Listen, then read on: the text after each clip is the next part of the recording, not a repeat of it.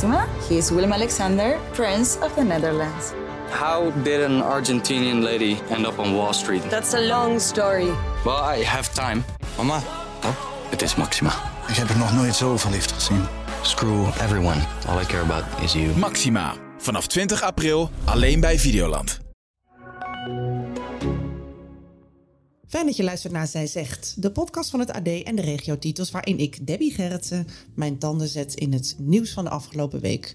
Wat viel mij op en hoe kijk ik met mijn vrouwelijke bril hierna? Deze week wil ik het graag hebben over eh, ongewenste, eh, ongemakkelijke, vervelende berichten die je kan krijgen via de mail of eh, via je social media of via je WhatsApp of eh, ja, op berichten die je binnenkomen waarvan je denkt, nou, wat moet ik hiermee en ja, die je toch in een positie duw- duwt waar je, ja, waar je ongemakkelijk bij voelt. Hoe ga je hiermee om? De aanleiding is dat ik lekker op zondagochtend een tijdje geleden zat, en zat ik aan de koffie, een ontbijtje, krantje erbij en toen lichtte mijn telefoon op en eh, kreeg ik een berichtje binnen van iemand, een zakelijk contact, eh, met de boodschap of ik zin had in een massage. Ik dacht, oh nee, wat is dit nou weer? Ehm, en wat is dit voor een rare, ongemakkelijke vraag? Hoe moet ik hierop reageren? Ehm, en ik klikte het weg en ik dacht, oké, eh, even niet reageren. Ik hoop dat hij mij zo gaat eh, berichten dat, het een, eh, ja, dat hij de verkeerde had. Of dat hij de verkeerde Debbie. En de, of dat hij gewoon, ja, weet ik veel, zijn excuus ging aanbieden. Zoiets hoop je dan. Maar dat gebeurde maar niet.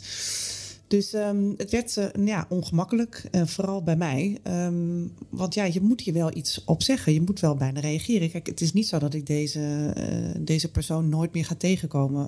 anders dan hè, misschien mensen op, op social media die je niet kent. Ja, die kan je altijd nog blokkeren of gewoon negeren. Maar ja, in dit geval is dat toch wat lastiger. Dus ja, ik, eh, ja ik, ik moest daar wat mee. Ik vroeg dat eens om mij heen eh, bij mijn eh, vriendinnen en collega's van... joh, hebben jullie dat ook wel eens? En gebeurt dat wel eens? Nou, dat gebeurt dus vaker dan je denkt. Hè? Ik bedoel, we hebben het, he- de hele, de hele zaak gehad rondom wethouder Laurens Evans in Amsterdam.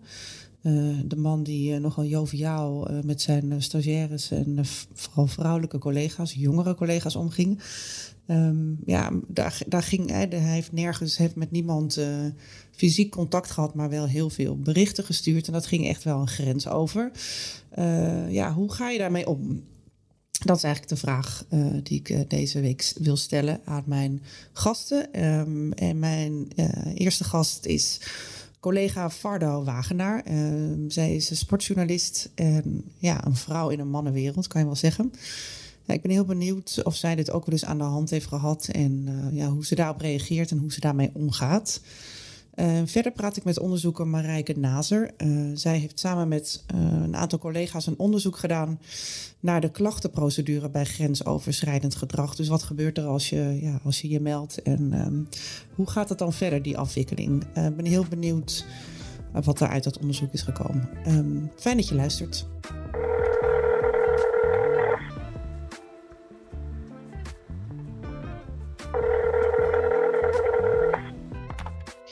Hey Fardo, wat fijn dat ik even met jou kan bellen. Fardo Wagenaar, je bent mijn eh, collega in het oosten van het land. Jazeker. Eh, sportverslaggever. Ehm, nou ja, ik ehm, heb dus deze week een column geschreven over eh, ongewenste berichten. ehm, naar aanleiding van een berichtje die ik zelf in mijn mailbox of in mijn telefoon krijg, kreeg onlangs. Heb jij dit wel eens aan de hand? Je bent natuurlijk een vrouw in een mannenwereld.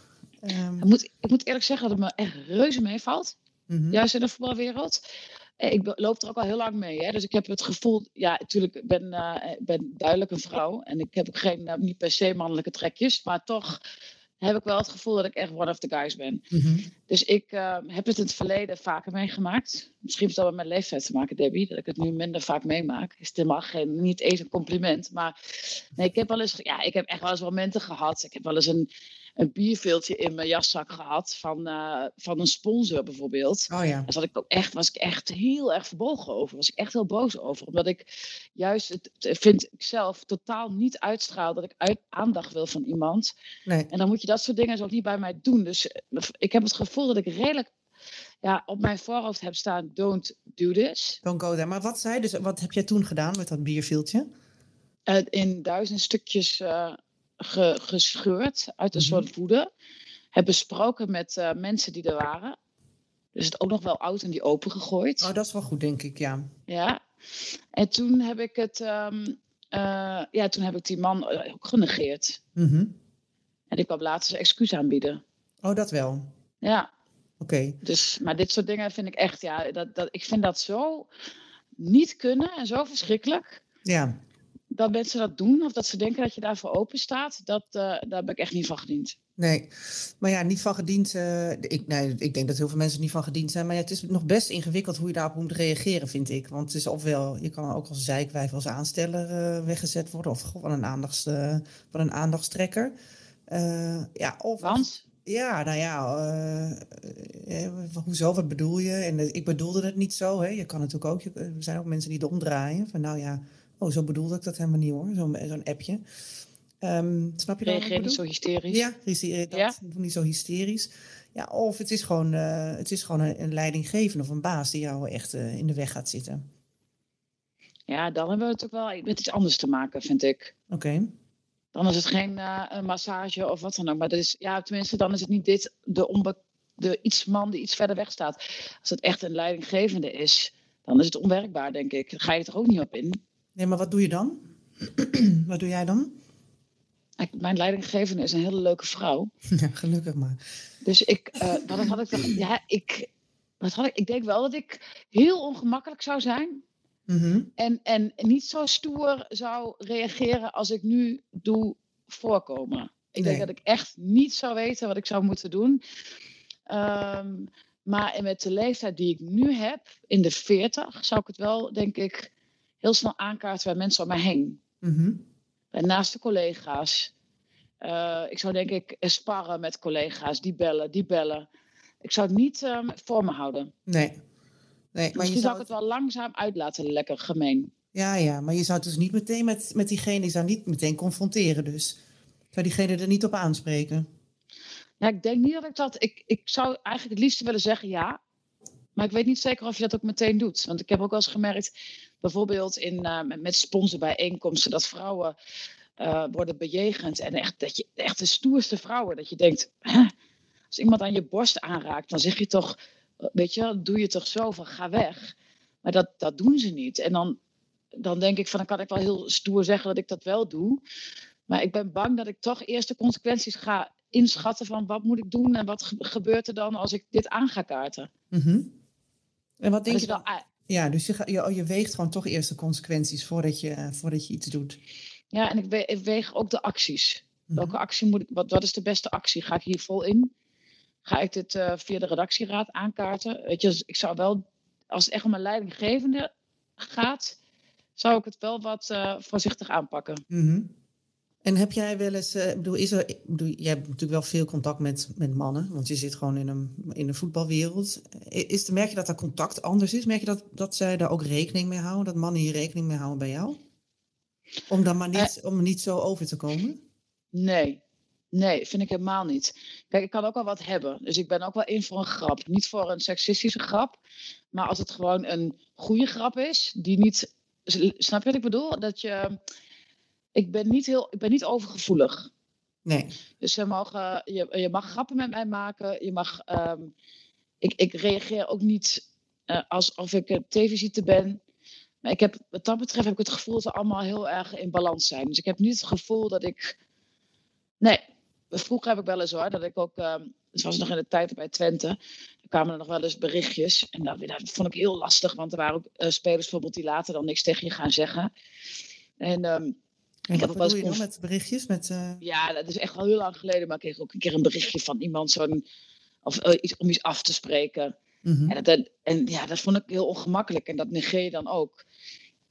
En dan, eh, dan daarna gaat iemand dan bijvoorbeeld even niks tegen je zeggen. Dus dan, dan, dan is het, toen was het wel echt laveren van ja, en nu dan? ja. Want durf, durfde ik ook niet te zeggen dat hij niks meer tegen mij zei, omdat ik hem had afgewezen. ja. Dus dan zit het toch in, je, in, het, in, zit het in de weg in je werk. Ja, toen zat het wel in de weg. Ja. Maar dat gevoel heb ik nu helemaal niet meer. Nee, dus je hebt wel het gevoel ook dat als, het, eh, als zoiets zou gebeuren, dat je er ook wel weet, eh, dat je er ook wel bij je leidinggevende over kan, kan praten. Ja, zeker. Mhm. Ik kan het zeker, maar leiding, als, ik, als mij nu zoiets overkomt, zal ik haar ook meteen bellen. Oh ja, Maar Maar ik weet niet of ik het dan ook heel erg. eh, ik, ik weet niet of ik. Kijk, als, ik, als iemand naar mij zou nu vragen: van wil je een massage vanuit de voetballerij? Mhm. Dan zou ik dat net als jij heel vervelend vinden. Dan weet ik niet zeker of ik, eh, of ik eh, mijn hoofdredacteur ga bellen en zeggen: Ik heb dit appje gehad. Dat kan ook zijn dat ik het gewoon delete en uit mijn systeem haal. Ja, maar zou je ermee zitten? Verder? Nou ja, ik zou het net als jij. Ik zou het heel irritant vinden van, van doe dit niet bij mij. Val Ja. me hier niet mee lastig. Ja. Ik wil dit niet. Mhm. Maar ik ben inderdaad net als jij, dat ik het nog best wel lastig vind van ja, shit, moet ik dat toch wat zeggen? Of niet? Dat je dat niet weet hoe je moet reageren. Nou, dat is dan toch opvallend, want eh, we hebben allebei een grote bek. Tenminste, ik kan het over mezelf zeker zeggen. Maar, eh, Ik ook. Ja, totdat, eh totdat ze een, of- een of andere onverlaat je een ge- een gek bericht, berichtje stuurt en dan is het ineens ingewikkeld.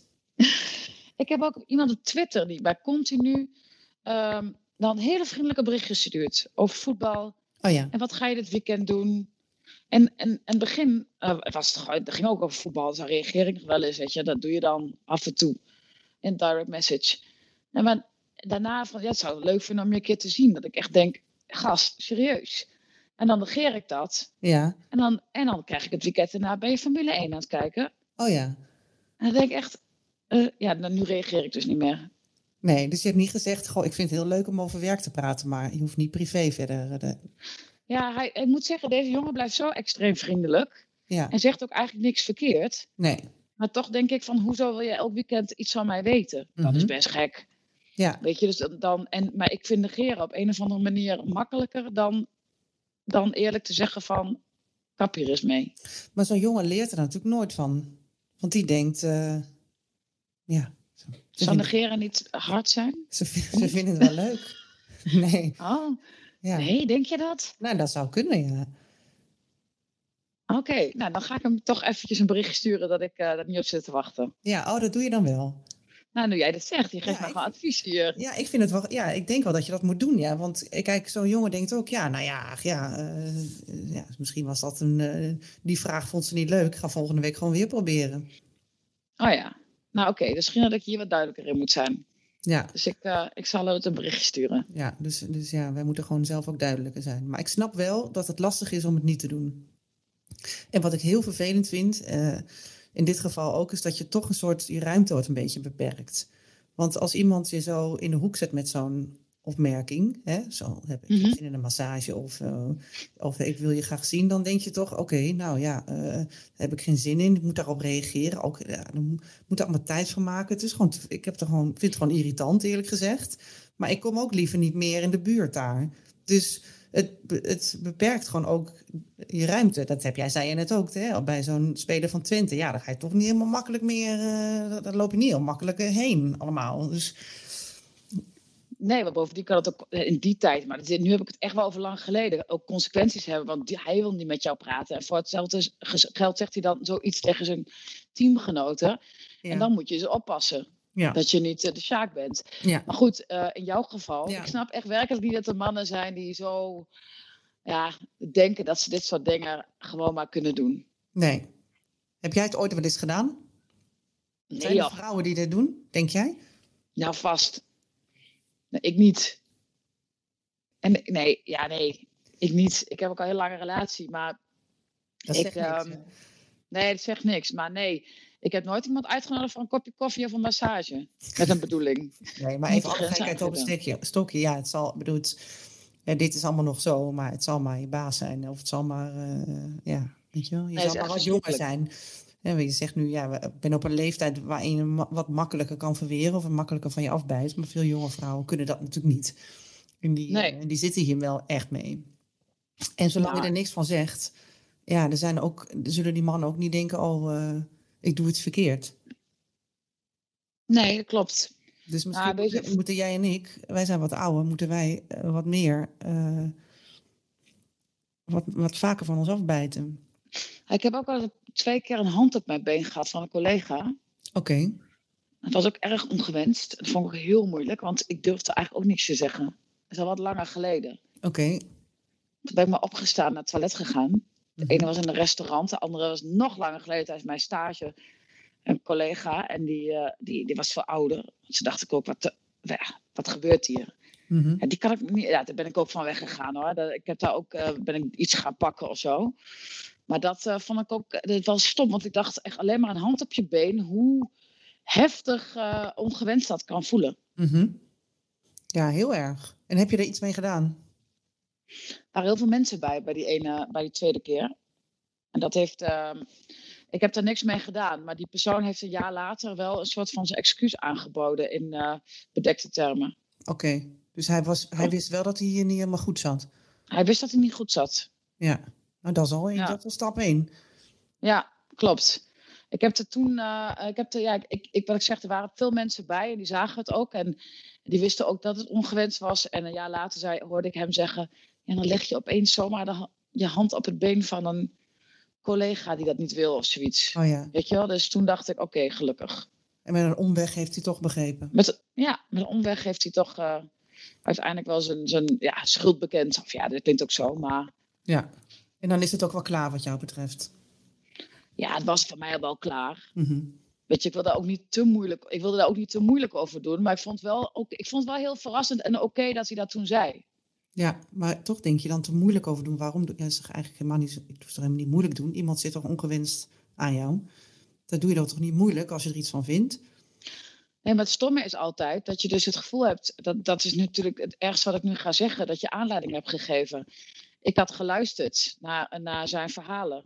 Heel, eh, weet je, ik had heel erg, hij had problemen, dus ik was aan het luisteren. Dus blijkbaar heb ik hem een, een, hè, een keer aandacht gegeven of zo, dat hij dacht, nou, zij vindt mij leuk. Ja, hallo. Ja, hallo, ja, ik ben het helemaal met jou eens natuurlijk, maar dat is natuurlijk wat je altijd hoort van vrouwen. Ja, dus je, je betrok het toch op jezelf, alsof het jouw schuld was. Ja, Mm. maar dat is wel lang geleden, dat zou ik nu niet meer doen. Wat is daarin veranderd dan in die tijd? Ja, ik weet nu dat ik geen aanleiding geef. Dat wist Oh ik ja. toen ook wel. Maar toen dacht ik van, huh, geef ik dan zo verschillende signalen af? Ik zocht altijd wel de schuld vaak bij alles bij mezelf. Ja, En ehm, ja, dat je, ben, ik, ben ik te los of ben ik te afstandelijk? Ben ik te dit? Ben ik te dat? Dus altijd ja, toch je eigen onzekerheid. Ja. En eh, nu heb ik dat wel een stuk minder. Ja. Nu denk ik, ja, weet je, de- nu kies ik daar veel meer mijn eigen weg in. Vroeger vonden mensen ook dat je te of te dit moest doen of juist vooral niet dat moest doen. Mhm. Snap je? En, dat, dat, en dat, op een gegeven moment, dan eerst luister je daarna en na in verloop van tijd, na verloop van tijd denk je van, hallo, mag ik het misschien zelf bepalen? ja, ja, dus het is meer dat jij ouder bent geworden en zekerder bent. Gewoon zekerder in je vel zit. Ja, absoluut. Ja. Ja, ik heb nu wel iets meer het gevoel van, mij maak je de kachel niet aan. Mhm. Maar wel met die opmerkingen die ik eerder maakte van, als er zoiets nu gebeurt, dat ik waarschijnlijk met mijn grote bek niet meteen overal eh, op inga, maar wel eerst de consequenties ga overzien. Ja. En wat zou je tegen, tegen jongere vrouwen willen zeggen? Of tegen je jongeren zelf? Ja, wel van eh, zoek. Je moet wel. Ik vind dat je zelf eerlijk zijn, moet zijn tegen jezelf, maar jezelf. eh, dat, ik zou willen dat vrouwen sneller zekerder worden van zichzelf. Mhm. Dat, ehm, heb je de Bold Type gekeken? Nee. Die serie? Oké. Het is een Amerikaanse serie. Is- Het is eigenlijk eh, Sex in the City anno nu. Mhm. En da- daar gaan ze, er zijn de vrouwen voor het eerst in die serie zijn ze niet zo afhankelijk van die mannen. Mhm. Mr. Big, weet je nog? Carrie was helemaal Ja, verliefd ja. op Mr. Big en moest altijd wachten op Mr. Big en dan was. Mr. Big er wel of niet. En vrouwen in de bold type die gingen veel meer uit van zichzelf. Oké. En waren niet meer aan het afwachten, namen zelf het initiatief. eh, eh, op elk gebied. Dat vond ik wel een eye-opener. Heel erg. Omdat Ja. ik dacht, ja, het is echt heel mooi om te zien. Want eh, het, het is echt een draaiing. En dus die draaiing is nu pas in zo'n serie te zien.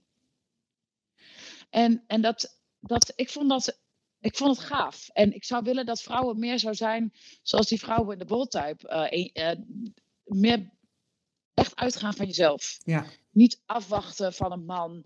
Niet onzeker laten maken door andere mannen of vrouwen. Weet je? ehm, en dat is wat we wel met elkaar doen, vind ik. We maken elkaar ook onzeker. Mhm. En, en ik denk dat als je wat zeker in je, eh, in je, in je leven staat, in je vel staat, dat je zeker in het leven staat en beter in je vel zit, sorry, ik trok allerlei dingen samen, dat je ook beter opgewassen bent tegen, tegen ja, mannen die dingen doen die je niet wil. Ja. Of mensen. Of zeg. Ja, ja, Ma- mensen, ja. ja, ja. Ja, in dit geval Ja. zijn vaak mannen wat machtiger een bovenliggende partij. Dus ja, nee, oké. Dat is mooi. Ik, ik ga die serie even kijken. Ik heb er wel van gehoord hoor. Het is eigenlijk, ja. Het is mooi om... Kijk hem eens. Ja. Ja, ga ik doen. En het, dit, en het is niet een serie die heel diep, per se heel diepgaand is. Maar het is eigenlijk pakken, zij precies die nuance aan die we al die jaren gemist hebben. Oké. Daar zit echt niet, dat is niet Bridget Jones die eh, zit te wachten tot eh, Mark Darcy eindelijk eh, om de hoek komt kijken. Nee. Nee, oh, heel goed. Dat is een goede tip. Ik ga het kijken. En ik denk dat alle luisteraars dat ook moeten gaan kijken.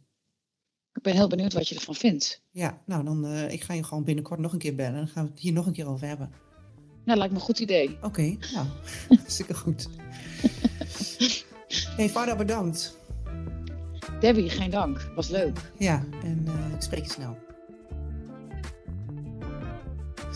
Welkom Marijke, fijn dat jij eventjes eh, te gast wil zijn in mijn podcast. Ehm, jij hebt een onderzoek gedaan eh, samen met jouw collega's naar, ja, eigenlijk naar de klachtenprocedure eh, omtrent grensoverschrijdend gedrag. Ehm, kan je daar iets meer over vertellen?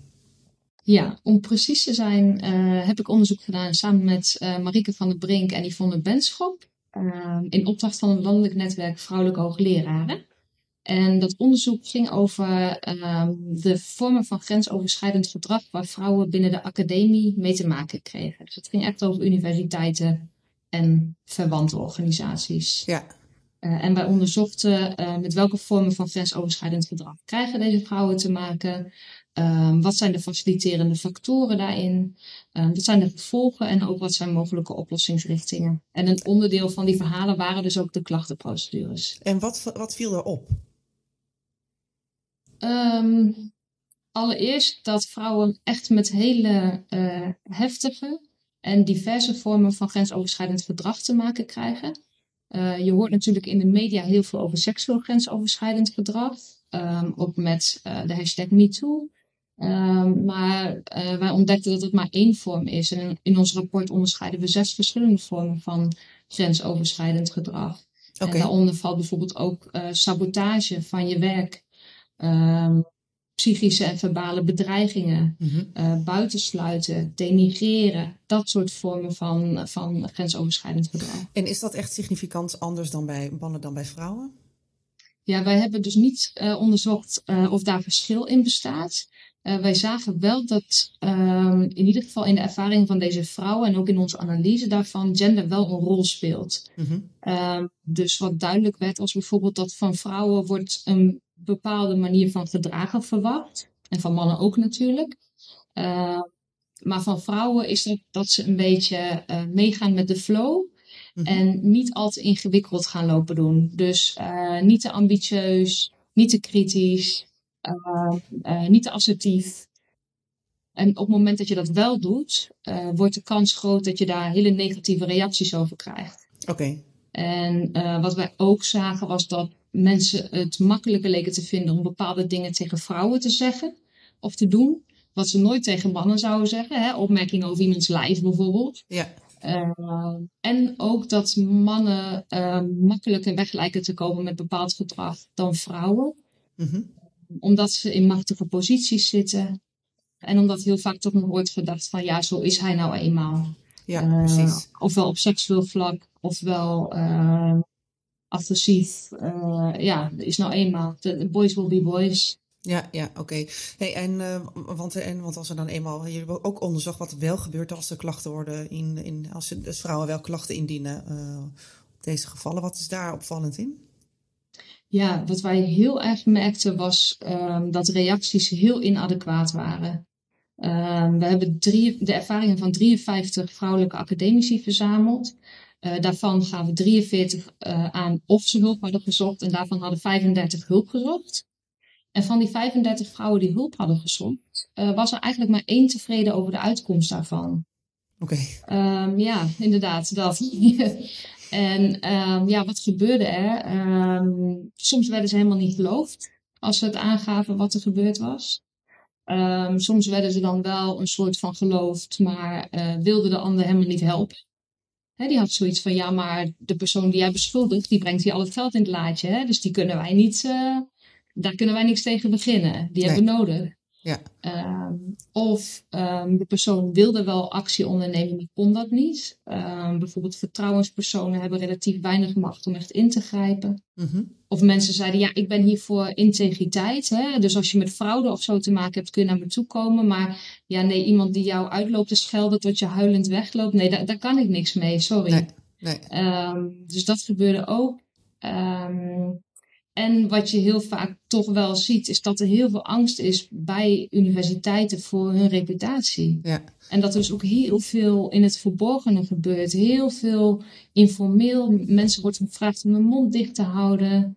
Um, en dat maakt het ook heel moeilijk voor mensen om te beoordelen van um, wat, wat is er nou precies gebeurd? En zijn de maatregelen die worden getroffen adequaat of niet? Want je weet je weet eigenlijk niet precies wat er is gebeurd. Dat wordt Nee. heel erg stilgehouden. En is dit hetzelfde? Is het vergelijkbaar met grote bedrijven? eh, dus eh, wat hier gebeurt op de universiteiten? Eh, ja, deels is het denk ik wel vergelijkbaar. Ik heb daar zelf geen onderzoek naar gedaan, maar wel naar onderzoek gekeken. En ik denk dat het deels vergelijkbaar is. Ehm, je hebt overal hiërarchische structuren en afhankelijkheid. Ehm, maar deels zagen wij ook wel een aantal zaken die heel specifiek waren voor de wetenschap. Eh, zoals ehm, eh, bepaalde vormen van sabotage, die zijn heel erg eigen aan de wetenschap. Dus bijvoorbeeld publiceren is belangrijk. Mhm. En dat je eerste auteur bent van een artikel is belangrijk. Ja. En dat werkt in de hand ehm, dat mensen gaan knokken om eerste auteur te worden. En dat ze daar grenzen in opzoeken of overschrijden.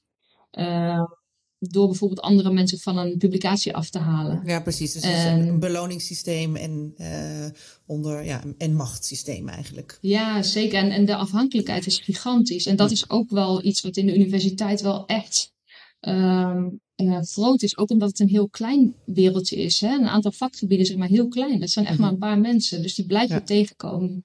Dus jouw Ja. afhankelijkheid van mensen is, ehm, is Enorm. vaak heel groot. Ja, Ja. En dat, dat ontneemt je van heel veel mogelijkheden om actie te ondernemen. Ja, het, het doet me ook een beetje denken aan het, eh, aan het verhaal van eh, de wethouder Laurens Evans hier in Amsterdam, eh, waar ik nu zit.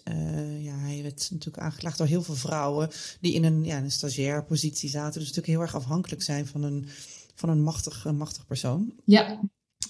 Daar, wat ik daar heel, heel opvallend in vond in die zaak, is dat, ehm, ondanks dat er wel klachten waren ingediend, deze vrouwen toch werd verzocht om ja, eh, maar niet bij hem in de buurt te komen of dan maar niet naar vergaderingen te gaan waar hij ook zat eh, of niet mee te gaan op reizen, zakenreizen waar hij ook bij meeging. Ofwel, hè, dat zie je vaker, een slachtoffer wordt vaak gevraagd eh, om zich aan te passen aan de dader. Wat kunnen we daar nou eens aan doen?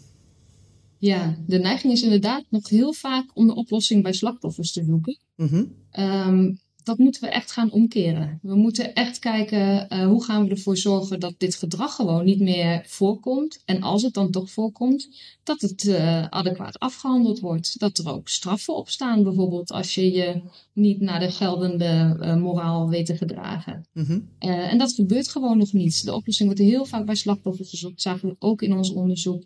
Hè, mensen kregen een time-out bijvoorbeeld. Ehm, slachtoffers dan.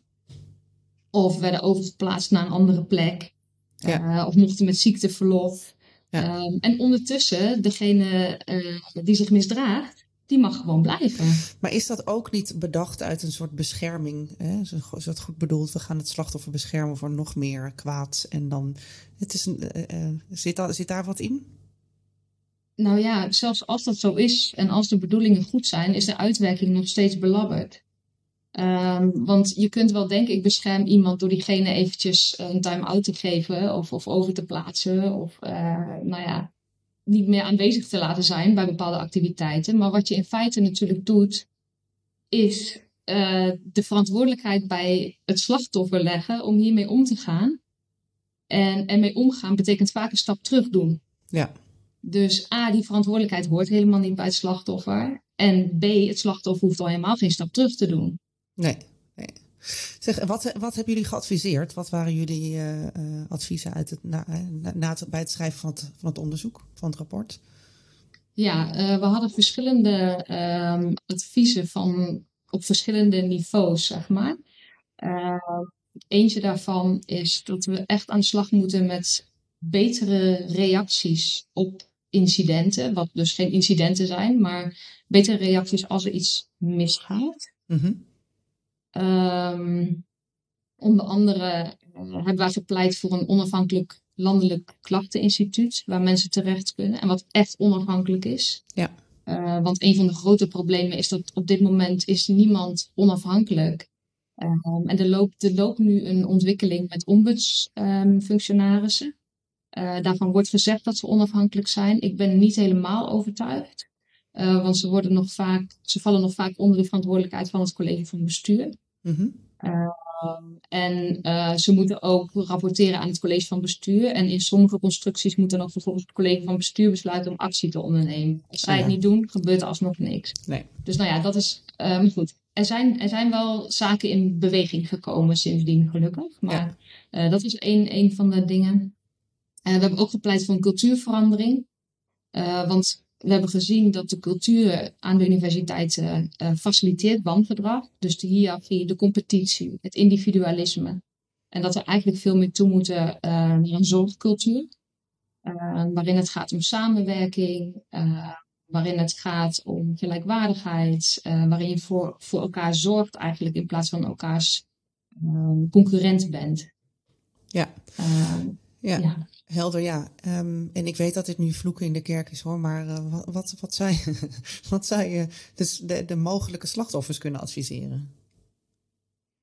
Ja, dat, dat vind ik altijd een hele ingewikkelde vraag. Um, omdat ik eigenlijk, je wilt uh, slachtoffers handvatten bieden en tips geven.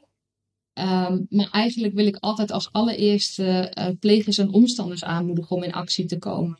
Dus zorg dat je zelf geen pleger wordt van grensoverschrijdend gedrag.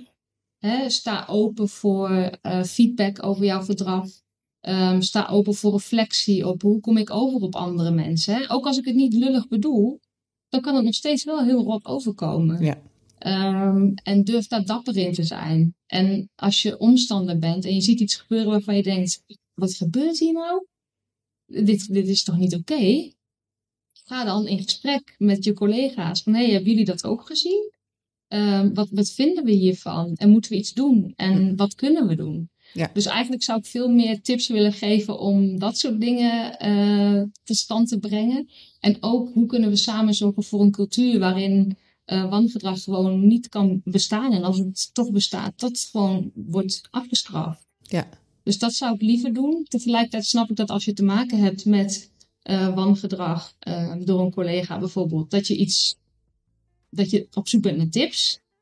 En wat ik heel vaak zeg tegen mensen is, uh, zoek hulp en zoek medestanders. Dat kan een partner thuis zijn, dat kan een collega zijn, dat kan professionele hulp zijn. Um, en kijk of je ook echt mensen kunt vinden met wie je samen actie kunt ondernemen. Dus zijn er meer mensen die last hebben van deze persoon? Bouw ook een dossier op.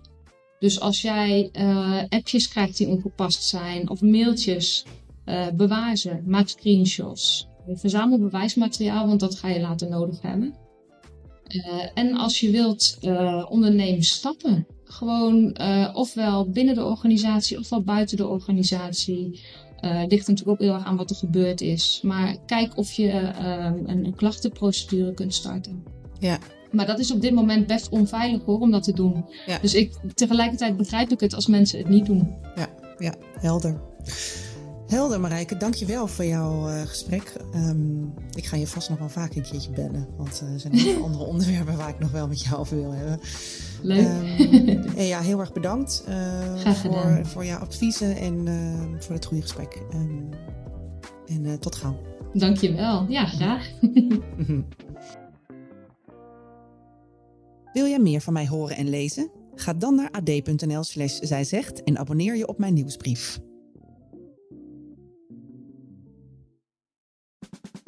Luister ook naar onze podcast Politiek Dichtbij. In een half uur praten we hierbij over de stand van zaken op het Binnenhof. En niet alleen vanuit de wandelgangen in Den Haag, maar ook vanuit een regionaal perspectief. We zijn te vinden in onze app, op Apple Podcast en op Spotify. En wie zijn wij dan? Wij zijn Leonard Beekman en Tobias den Hartog. Maxima, he is Willem Alexander, Prince of the Netherlands.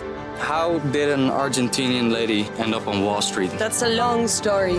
Well, I have time. Mama, Oh, het is Maxima. ik heb er nog nooit zo verliefd gezien. Screw everyone. All I care about is you. Maxima. Vanaf 20 april alleen bij Videoland.